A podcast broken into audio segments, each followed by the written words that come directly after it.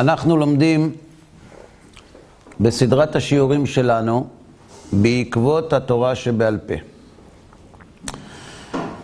אה, מתוך הספר מטה דן, המכונה כוזרי שני, לרבי דוד ניטו, עליו השלום. בשיעור הקודם עסקנו בהרחבה בעקבות שאלתו של הכוזרי את החבר בדבר הגישה של רבי יהודה הלוי בספר הכוזרי לפילוסופיה. והוא שאל, אם באמת זו דעתו של רבי יהודה הלוי על הפילוסופיה, ואם רבי יהודה הלוי מייצג, מייצג את עמדת היהדות, אז גם אם הסכמנו שאין בעיה הלכתית לעסוק בפילוסופיה, מה טעם יש לעסוק בה אם היא כל כך לא מדויקת כפי שלמדנו בשיעור הקודם?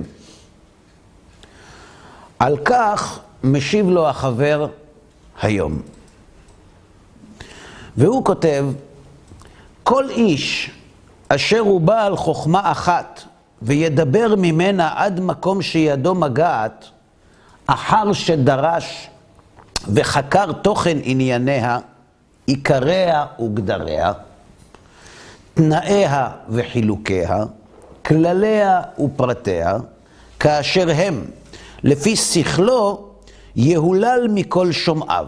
כלומר, מתי אנחנו מכבדים אדם בשל חוכמתו? כאשר הוא חקר בחוכמה והקיף אותה והעמיק בה ולמד איך לקטלג כל יסוד ויסוד שממנה, מהם היא מורכבת, אז הוא יהולל מכל שומעיו. כל מי שישמע אותו יגיד, רק עם חכם ונבון, הגוי הגדול הזה. אמנם, אם עובר תחומי החוכמה ההיא, הנודעת לו, ונכנס בגבול חוכמה אחרת, אשר אין לו בה חלק ונחלה, ימשש בצהריים כאשר ימשש העיוור באפלה, ויהיה שחוק לכל יודעיו ושומעיו.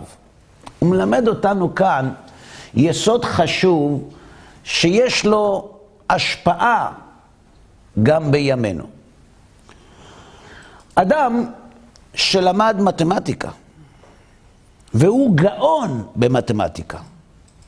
אז מי שאוהב מתמטיקה, כשהוא שומע את חוכמתו הרבה של המתמטיקאי כאשר הוא מציג חידות מתמטיות, שאלות, ופותר אותם, מי שאוהב מתמטיקה מתענג על זה בדיוק כמו שמי שאוהב מוזיקה מתענג על קונצרט טוב. אותו דבר עם חוכמת הניגון. אנשים שאוהבים מוזיקה, והם שומעים אדם שמנגן על כלי, נניח על כינור, והוא משחק עם הכינור כאילו היה כדור של ספוג. בצורה שליטה מוחלטת. אנשים עומדים נדהמים ומתפעלים מחוכמת הניגון שבו. אבל מה יקרה אם זה שיודע לנגן כל כך טוב על כינור, ידבר על פוליטיקה? האם חוכמת הניגון עוזרת לפוליטיקה? האם כאשר המתמטיקאי ידבר על פיזיקה, זה יעזור לו? אומר החבר לכוזרי, כשאדם הוא מומחה בתחומו, גאון בתחומו, צריך לזכור שזה רק בתחומו. אבל אם הוא יעבור לתחום אחר שהוא לא מבין בו, הוא ימשש בו כעיוור בצהריים ויהיה מושא ללעג. תראו, לגבי הסיפה של הדברים לא הייתי אומר, אבל לגבי הרישה נתקלתי הרבה פעמים. כשאנשים באים ללמוד תורה, אנשים שחיו חיים מערביים, ליברליים, חילוניים לגמרי, ומשום מה, מכל מיני סיבות, כרגע לא משנה, הם החליטו שהם רוצים ללמוד תורה. רוצים לחזור בתשובה, לא רוצים, רוצים ללמוד תורה. והוא מגיע לבית המדרש, מגיעים אנשים ברמות שונות. מי האנשים הכי פחות חכמים, עד האנשים המאוד מאוד חכמים. וכשהם יושבים ליד השולחן, אתה פתאום מגלה שאין שום משמעות למה שהוא למד לפני שהוא הגיע לכאן. כשאדם לומד שפה חדשה, זה בכלל לא משנה אם את השפה שהוא מדבר כשפת אם, הוא מדבר טוב.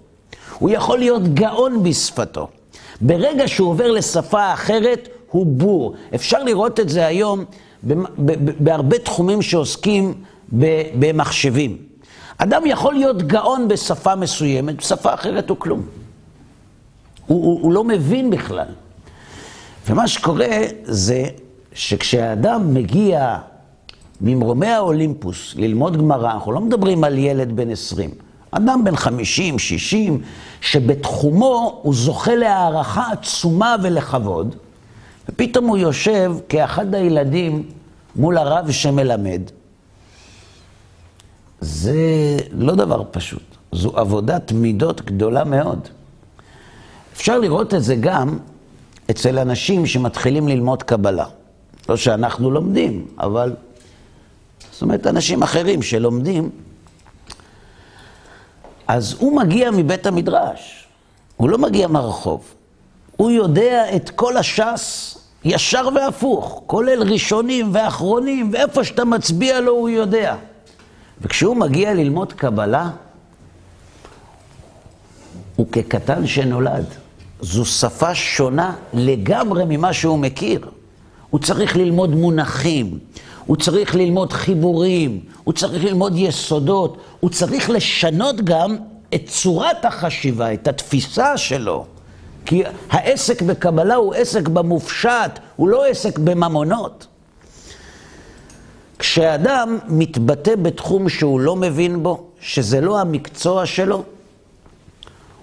אסור לנו להתרגש מההילה שהמקצוע שבו הוא מתעסק גרמה לו. ואת זה אנחנו יכולים לפגוש הרבה בתקשורת. מעלים מומחים, פרופסור ל-X, והוא יש לו דעה. למשל, יש סופרים שהם סופרים בעלי שם עולמי. אני לא, לא זה שאתן להם ציונים, אבל אנשים שמבינים בספרות, ממש מתענגים על היצירות שלהם. קוראים להם אנשי רוח. למה? כי הם עוסקים ב... ברוח, ב... בדמיון, בסיפורים. אז הם אנשי רוח. ומעלים אותו לשידור, כדי שיחווה דעה על מצבה של המדינה ועל מצב החברה ועל הקיטוב בעם. מה הסופר הזה מבין במצבה של המדינה ובקיטוב שבעם יותר מן התגר שבשוק? לפעמים, לפעמים הדיאגנוזה של התגר שבשוק, שמלא בחוכמת החיים ולא בחוכמת הרוח, נמצאת מדויקת הרבה יותר מאשר דברי ה... לפעמים אפילו מילים שלא מבינים, של איש הרוח. אומר החבר לכוזרי, רבי יהודה הלוי אין לו בעיה עם הפילוסופיה. אגב, כשאנחנו מדברים כרגע על פילוסופיה, היום הפילוסופיה היא תחום מאוד צר. היא בדרך כלל קשורה למדעי הרוח. אבל בימים ההם, הפילוסופיה עסקה גם במדעי הטבע. זאת אומרת, הפילוסוף היה איש מדע, והמדע עסק בפיזיקה ובמטאפיזיקה, בשני התחומים. אומר לו החבר לכוזרי, אל תתבלבל. רבי יהודה הלוי לא מזלזל במדע, הוא לא לועג לו. גם היום יש אנשים שחושבים שהדת והמדע הם מתנגשים, ואנשי דת, או דתיים או רבנים, הם שונאים את המדע ושונאים את הקדמה ושונאים את החוכמה והם פרימיטיביים. אגב, זו דעתם של אנשי רוח, כן, שאותם הזכרנו קודם. אין לרבי יהודה הלוי דבר וחצי דבר נגד העיסוק בפילוסופיה. אלא, תדע לך שכשהפילוסוף עוסק במדעי הטבע, או כשהוא עוסק ביש, זה יפה מאוד. ומשם הגיעה חוכמתו הגדולה. ומשם הגיעה ההילה שנקשרה לראשו. אבל אז זה עולה לו לראש, והוא מנסה עם חוכמתו, שאושרה על ידי הבריות, לטפס אל מה שמעבר לטבע. ושם השטויות הן בלתי נתפסות, כי אין לו שום הבנה במה שמעבר לטבע. נכון? לעולם המדע לא יוכל לעסוק במה שמעבר לחומר. כי מה שמעבר לחומר הוא מטאפיזיקה. ואנחנו רוצים לשפוט את המטאפיזיקה על סמך החוקים של הפיזיקה. אז אם הם כפופים לחוקי הפיזיקה, זו לא מטאפיזיקה אלא פיזיקה. לכן אי אפשר שהמדע יעסוק במטאפיזיקה. אבל את זה אנחנו יודעים היום. בעבר הפילוסוף היה החכם, והוא היה מפנה את הזרקור של חוכמתו לכל מקום, ומביא מסקנות. עכשיו, כיוון שהציבור מהלל את חוכמתו בדברים שהוא ראוי לה, האדם לא יודע להבחין בין מה שהוא מדבר מתוך ידיעה לבין מה שהוא מדבר מתוך ספקולציות. זה מה שהוא כותב. כל איש אשר הוא בעל חוכמה אחת, וידבר ממנה עד מקום שידו מגעת, אחר אשר דרש וחקר תוכן ענייניה, עיקריה וגדריה, תנאיה וחלקיה, כלליה ופרטיה, כאשר הם, כלומר הוא עמד על פרטי החוכמה לפי שכלו, יהולל מכל שומעיו. חכם גדול, מהולל הרבה, חכם קטן, מהולל קצת, לא חכם בכלל. פוליטיקאי, זאת אומרת, כל אחד מהללים אותו לפי חוכמתו. אמנם, אם עובר תחומי החוכמה ההיא, הנודעת לו, ונכנס בגבול חוכמה אחרת, אשר אין לו בה חלק ונחלה, ימשש בצהריים כאשר ימשש העיוור בעפלה ויהיה שחוק לכל יודעיו ושומעיו. וזה שאירע לפילוסוף הטבעי של הכוזרי. האסון הזה הוא האסון שפקד את הפילוסוף הטבעי שעליו רבי יהודה הלוי מדבר. מה רצית לשאול? אם, אם המטאפיזיקה של הפילוסופיה בעצם לא, לא תופסת, כי לא, דיברו על דברים שהם לא יודעים, אז למה הרמב"ם תפס אותה למשל? הרמב"ם אומר במפורש שמה שמדבר אריסטו עד גלגל הירח, זו אמת. הרמב"ם אמר את זה לפי... הספר. משם והלאה, אנחנו לא מקבלים את דבריו. אפשר נכונים, אפשר לא נכונים. זה הרמב"ם בעצמו אומר. כן. זהו שהראה לפילוסוף הטבעי של הכוזרי, מפני שרצה להיכנס בתחום הפילוסוף האלוהי. שמגמת הפילוסוף הטבעי, מה היעד, מה תפקידו, מה המטרה של הפילוסוף הטבעי כשהוא יוצא למחקר? הבריאה ומגמת האלוהי. הוא הבורא והבריאה. היא טבע פרטי מוטבע ומתפעל. כלומר, המגמה של הפילוסוף, מה היא? הבריאה. ומגמת האלוהים ההיא, הבורא והבריאה היא טבע פרטי מוטבע ומתפעל. כלומר, מושא מחקרו של הפילוסוף הטבעי זו הבריאה. ודרכה הוא מנסה להגיע לאלוהים. מה מושא חקירתו של הפילוסוף האלוהי? האלוהות. וממנה הוא מגיע לבריאה הטבעית. בואו ננסה לנסח את זה בצורה אחרת.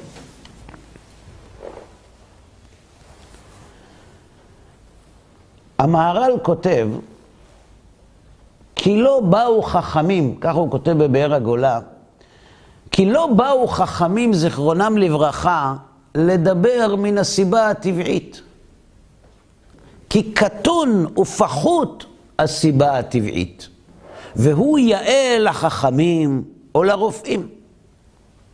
כלומר, חז"ל לא עוסקים בסיבות הטבעיות של הקיום, של היש. למה? כי בזה עוסקים הרופאים והפילוסופים. ולא באו חז"ל לדבר אלא ממה שמחייב הטבע. כלומר, חז"ל לא עוסקים במה הסיבה הטבעית שיש קשת. הם מסבירים למה הסיבה הטבעית נתנקזה למצב שהקשת מופיעה דווקא עכשיו. זה למעשה תורת הקבלה. תורת הקבלה לא עוסקת בעולם שלנו. אגב, יש אנשים שמביאים ראיות מספר הזוהר לכל מיני דברים שיש בעולם שלנו. למשל, יש זוהר בויקרא, שממנו עולה שמי שכתב את הזוהר ידע על כדוריות העולם. והוא מספר שהעולם מסתובב בעיגול ככדור, זה למעלה וזה למטה, ומשתנים מראיהם זה מזה, כפי האוויר וכולי. ו... בקיצור, כוח המשיכה וכל כל מה שהיום אה, אנחנו יודעים. אז יש כאלה שמשתמשים בזה כדי להראות, הנה, אתה רואה, חז"ל ידעו שהעולם הוא עגול כשכולם חשבו שהוא עומד על פילים. בסדר? יש אנשים שמשתמשים בזה. אני לא, אני לא אומר שהם לא צודקים. אני רק רוצה לנדב פרט אחד.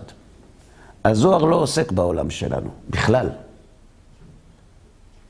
הזוהר עוסק בעולם העליון, הרוחני. לכן כל ניסיון להביא מהזוהר ראיות לעולם הגשמי, זו טעות. אולי זה להמחשה.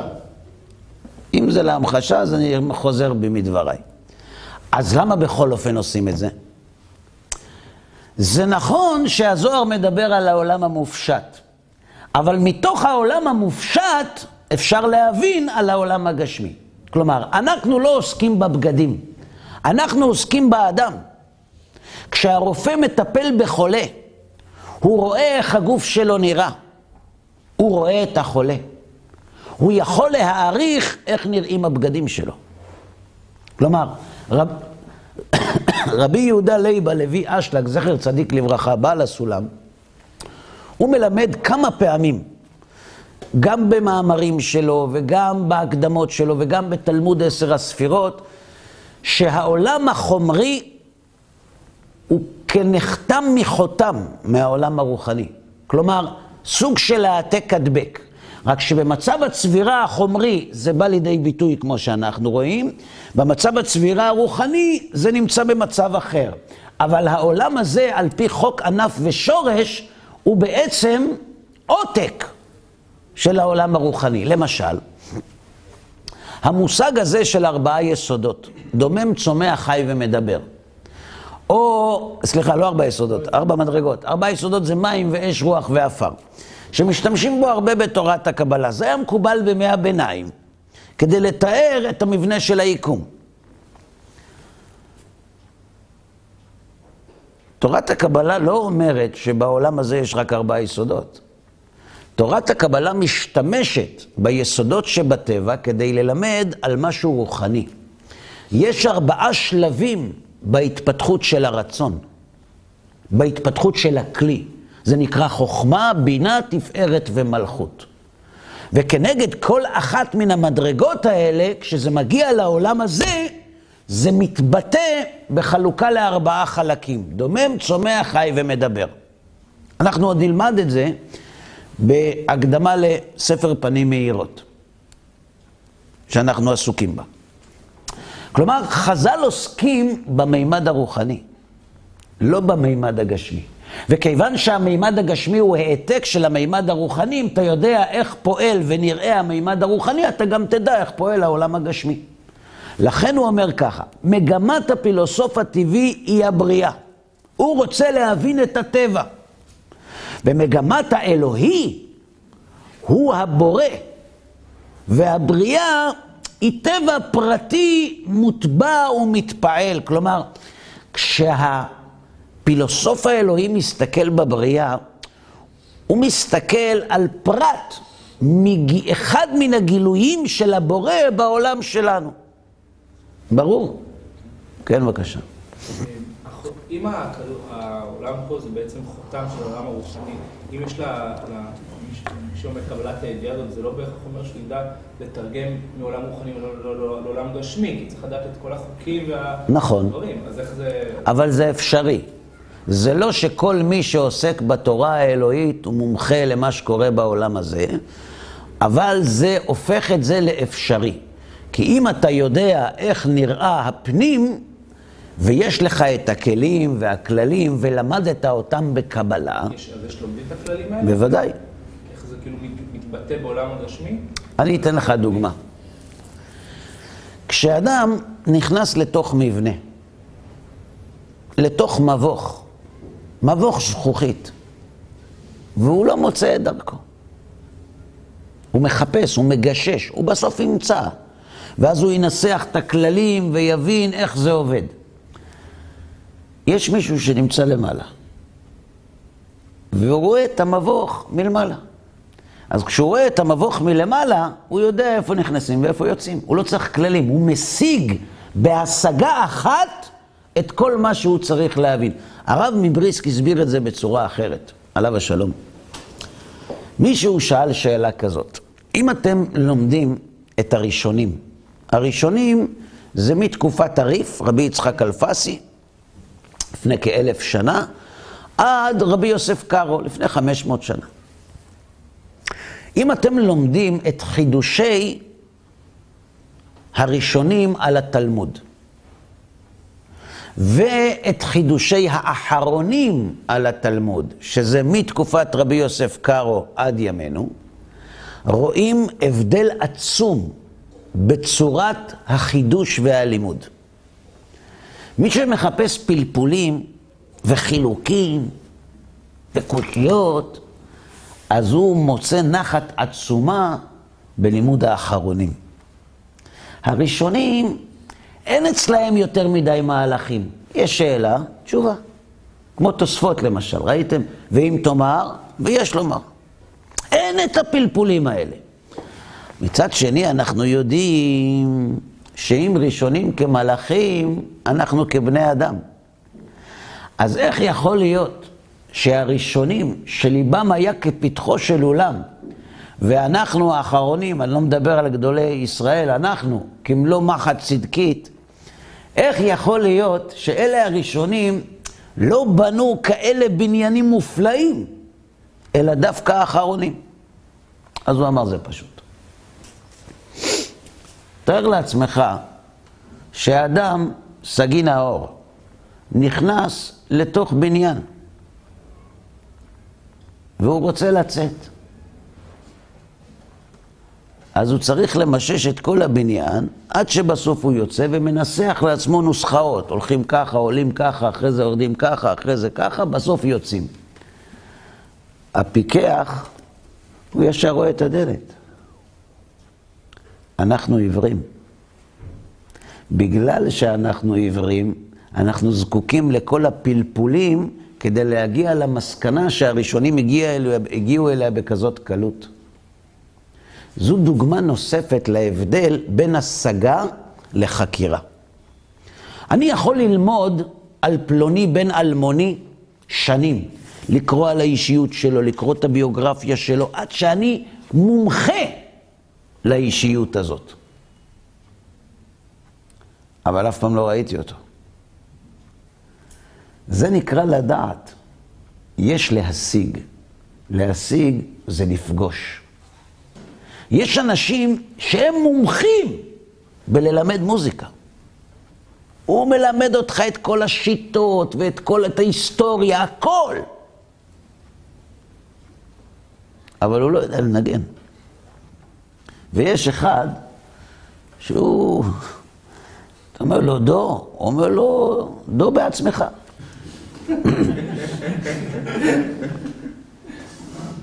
אבל כשהוא לוקח ליד את הקשת, הוא לא מכיר את כל הפילוסופיה של המוזיקה, והוא לא מכיר את המבנה. הוא מנגן. הוא חווה את המוזיקה. זה ההבדל בין הפילוסוף לנביא. הפילוסוף הוא עוסק בחקירות ובשאלות, באין סוף וביש סוף ובככה וזה, והוא בונה תילי תילים. והנביא פגש אותו. זה הכל. אומר החבר, הפילוסוף הטבעי, הוא עוסק בטבע.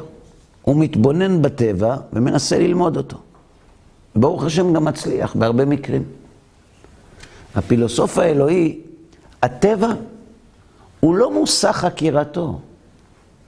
לטבע יש חשיבות כי הוא נברא על ידי האלוהים שאותו הוא מכיר. וזה כבר משהו אחר לגמרי. לכן, כשהפילוסוף הטבעי עוסק בטבע, הוא בונה סביבו הילה של חוכמה עצומה. כי באמת, ביחס לתקופתם, הפילוסופים היו אנשי מדע. היום אנחנו יודעים שהרבה דברים שהם אמרו הם לא נכונים. אבל למרות שהם לא נכונים, בהרבה מקרים האינטואיציה שגרמה להם למסקנה היא עדיין נכונה.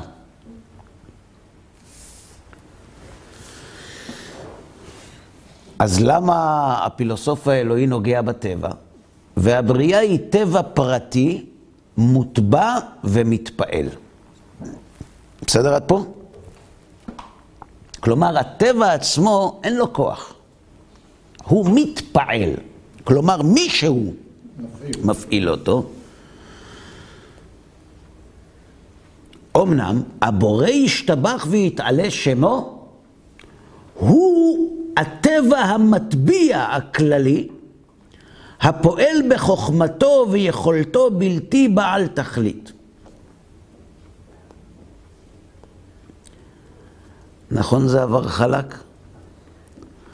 הפסקה הזאת הולידה פולמוס אדיר שזעזעה את הקהילה היהודית בלונדון והרחיקה עד החכם צבי עליו השלום כדי שיכריע בסוגיה, כי המשפט הזה גרם לאנשים לומר שצריך להחרים ולנדות חס ושלום את החכם הצדיק רבי דוד ניטו. למה? כי ככה עשו לשפינוזה. זה היה ב-1706, כמדומני.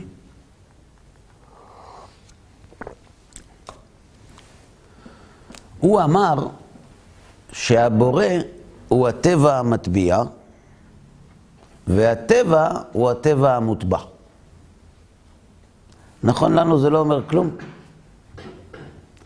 אפשר לקבל בבקשה רמב"ם, ספר המדע.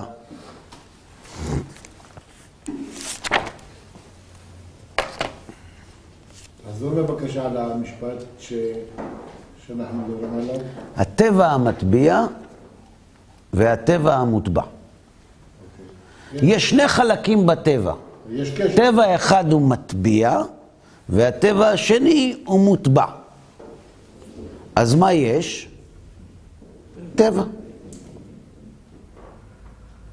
כלומר, יש הטבע המטביע, ויש הטבע המוטבע. וזה מה אומר?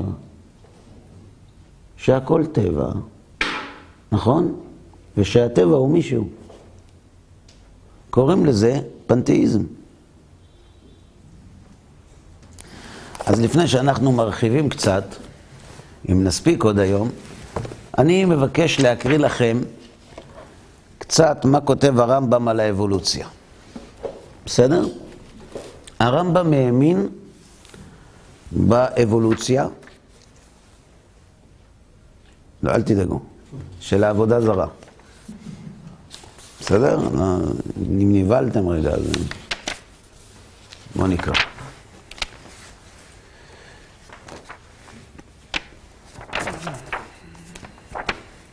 כותב הרמב"ם.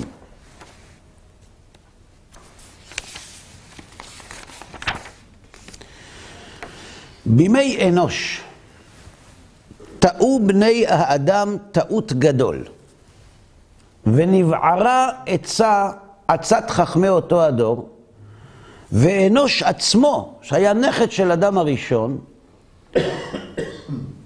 ואנוש עצמו מן הטועים. כתוב בפסוק על אנוש, אז הוחל לקרוא בשם השם. כלומר, אז התחילה עבודת האלילים. מה קרה? וזו הייתה טעותם. אמרו, הואיל והאלוהים, הם האמינו בו? כן. כן. הואיל והאלוהים ברא כוכבים אלו, וגלגלים, מה זה גלגלים? מערכת, המערכת. זה משהו שהפילוסופים האמינו בו, שיש כמה גלגלים, שיש להם ישות עצמית, ויש להם נפש, ויש להם רצון, ולכן הם מסתובבים. לא רואים אותם, כי הם עשויים מחומר כל כך זך שהוא בלתי נתפס. אבל יש להם ישות עצמית, ויש להם רצון. ולכן הם מסתובבים כי הם חושקים להידבק בסיבה שהולידה אותם.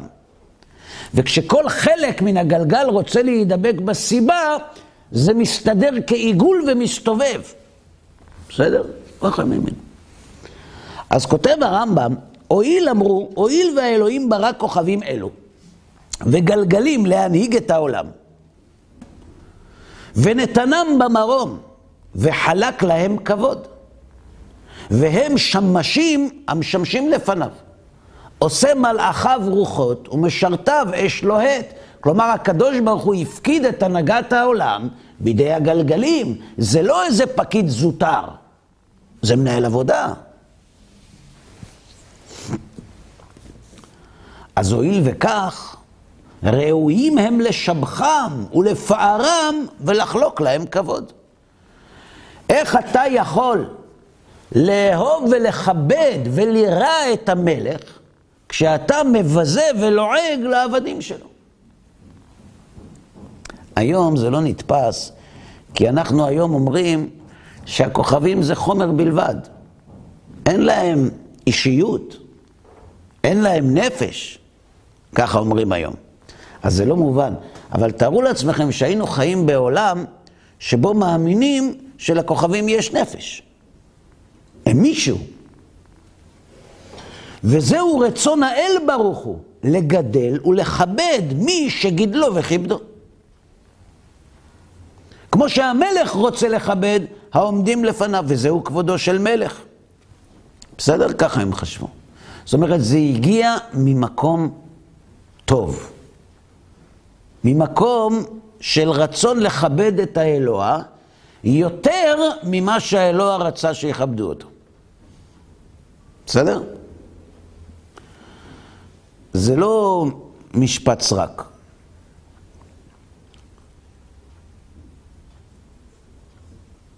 הכוזרי כותב שכדי לעבוד את אלוהים, צריך שאלוהים יגיד איך עובדים אותו.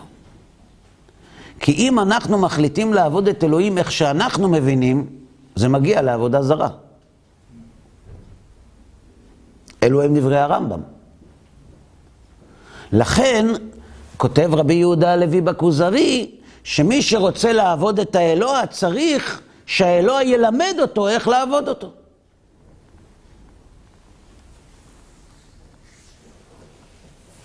וראיה. מהו החטא החמור ביותר של עם ישראל? העגל. חטא העגל הוא החטא הראשון בהיסטוריה או לא? לא? השני. אדם הראשון, אדם הראשון היה... חטא. חטא. וחוץ מהאדם הראשון אף אחד לא חטא. חטאו. אז למה המחילה על חטא העגל סידרה לנו את יום כיפור? למה דווקא בתאריך הזה? יפה מאוד.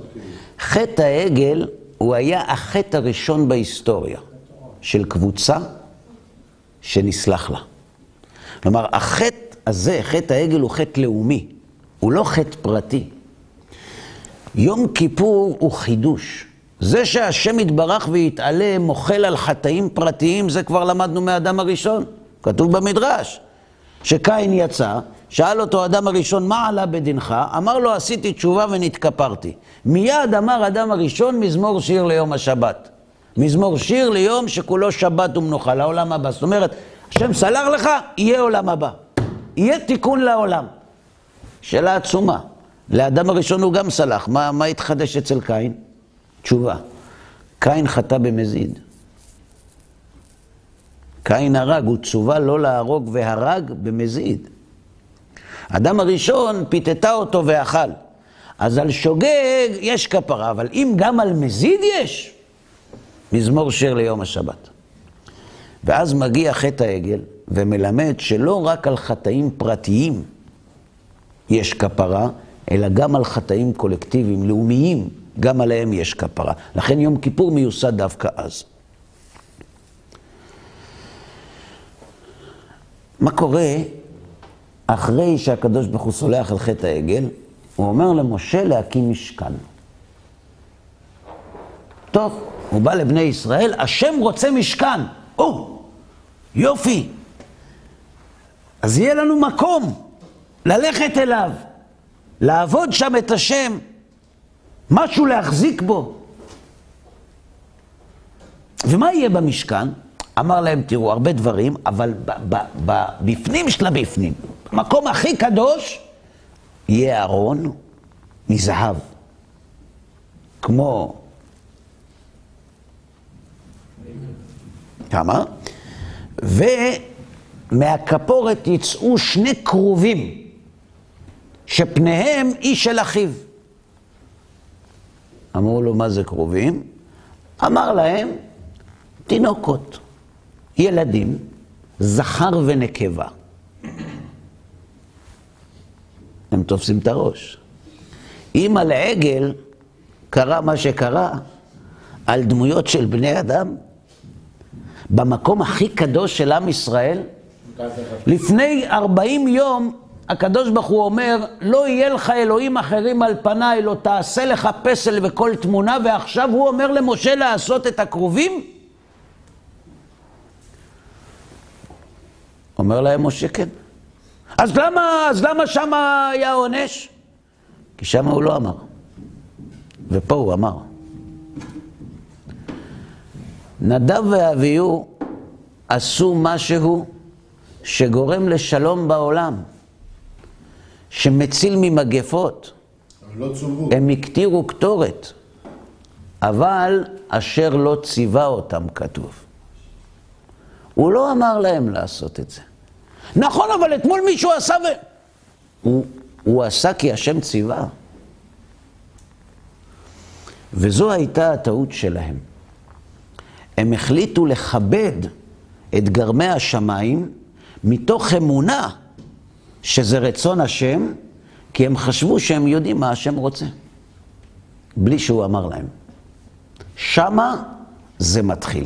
עכשיו תראו, לפעמים אתה רואה רבנים גדולים, גדולי ישראל, שהם נאבקים, נגיד, כשהיה את המוניציפציה.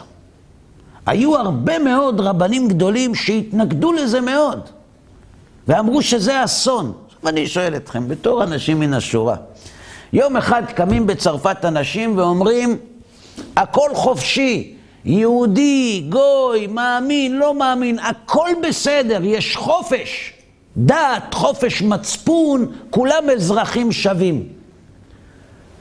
תגידו את האמת, לא היינו מוציאים מנגל עושים על האש. אם על עצמאות כמו שלנו עושים על האש, על עצמאות כזאת. ואז נכנסים לבית המדרש, רואים שהרבנים בוכים. זה מזכיר קצת את מרדכי. המלך אחשורוש מזמין את כולם, כרצון איש ואיש, מסדר לכל אחד מה שהוא רוצה, והכל טוב, וכולם שמחים, ולא מאיימים להשמיד את המדינה, ו... ונשק גרעיני באיראן, והכל טוב. וגם כשר. ויש גם בהפרדה, כי אז לא היה הדתה, הכל בסדר.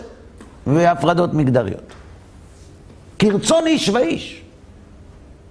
כדת. ואז כולם יוצאים, רואים את הרב הראשי, יושב בוכה שק ואפר. אומרים לו, תגיד, מה קרה? לא, זה אסון, זה אסון מה שקורה פה. ואלה שאומרים שהרבנים קיצוניים ומנותקים, מה קרה?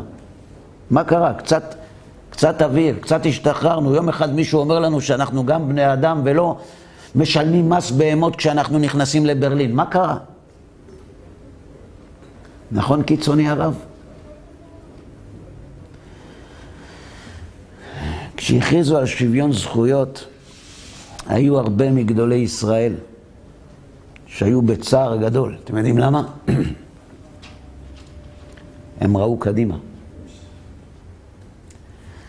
כשאנשים מתקינים מסילות רכבת, לא בארץ, בארץ הכל מדויק, אבל כשמתקינים מסילות רכבת, אם אתה סוטה עשירית מילימטר מהיושר עכשיו, מה יהיה המרחק עוד 100 קילומטר?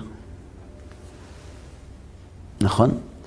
זאת אומרת, נכון שעכשיו זה רק סטייה קטנה, אבל אם אתה בודק קדימה, אתה עוצר את העבודות. זה צריך להיות מפולס, מדויק, צמוד. השם לא אמר, אל תעשה. אמר, אתה חייב לעשות. וזו הייתה טעותם, כלומר, הם לא היו מזידים, הם היו שוגגים. ומה היה שורש טעותם? שהם חשבו שאם השם נתן כבוד לגלגלים, אז אנחנו צריכים לכבד אותם. זה בא ממקום טוב, אבל כל המוסיף גורע. וכיוון שעלה דבר זה על ליבם, נו, אז אם זה הרעיון, אז למה לא... התחילו לבנות לכוכבים היכלות ולהקריב להם קורבנות, לשבחם, לא לפארם, ולהשתוות למולם, להשתחוות למולם כדי להשיג רצון הבורא בדעתם הרעה. כי הם חשבו שאם הם יכבדו את אותם כוכבים ומזלות, הם בעצם משיגים את רצון השם, כי מהו רצון השם? שנכבד אותם. למה? כי ככה אנחנו חושבים שהוא רוצה. וזה היה עיקר עבודת כוכבים. מה זה עיקר? שורש. לא עיקר וטפל. עיקר הכוונה מלשון מקור. וכך היו אומרים עובדיה היודעים עיקרה. מי שיודע את ההיסטוריה של האלילות, זה מה שהוא אומר. לא שהם אומרים שאין שם אלוה, אלא כוכב זה. מה פתאום? עובדי האלילים היו מאמינים באלוהים. והוא שירמיהו אומר, מי לא יראך מלך הגויים, כי לך יעתה. כי בכל חכמי הגויים ובכל מלכותם מאין כמוך, ובאחת יבערו ויחסלו. מוסר הבלים עצו. כלומר, הכל יודעים שאתה הוא לבדיך, אבל טעותם וכסילותם שמדמים שזה ההבל רצונך.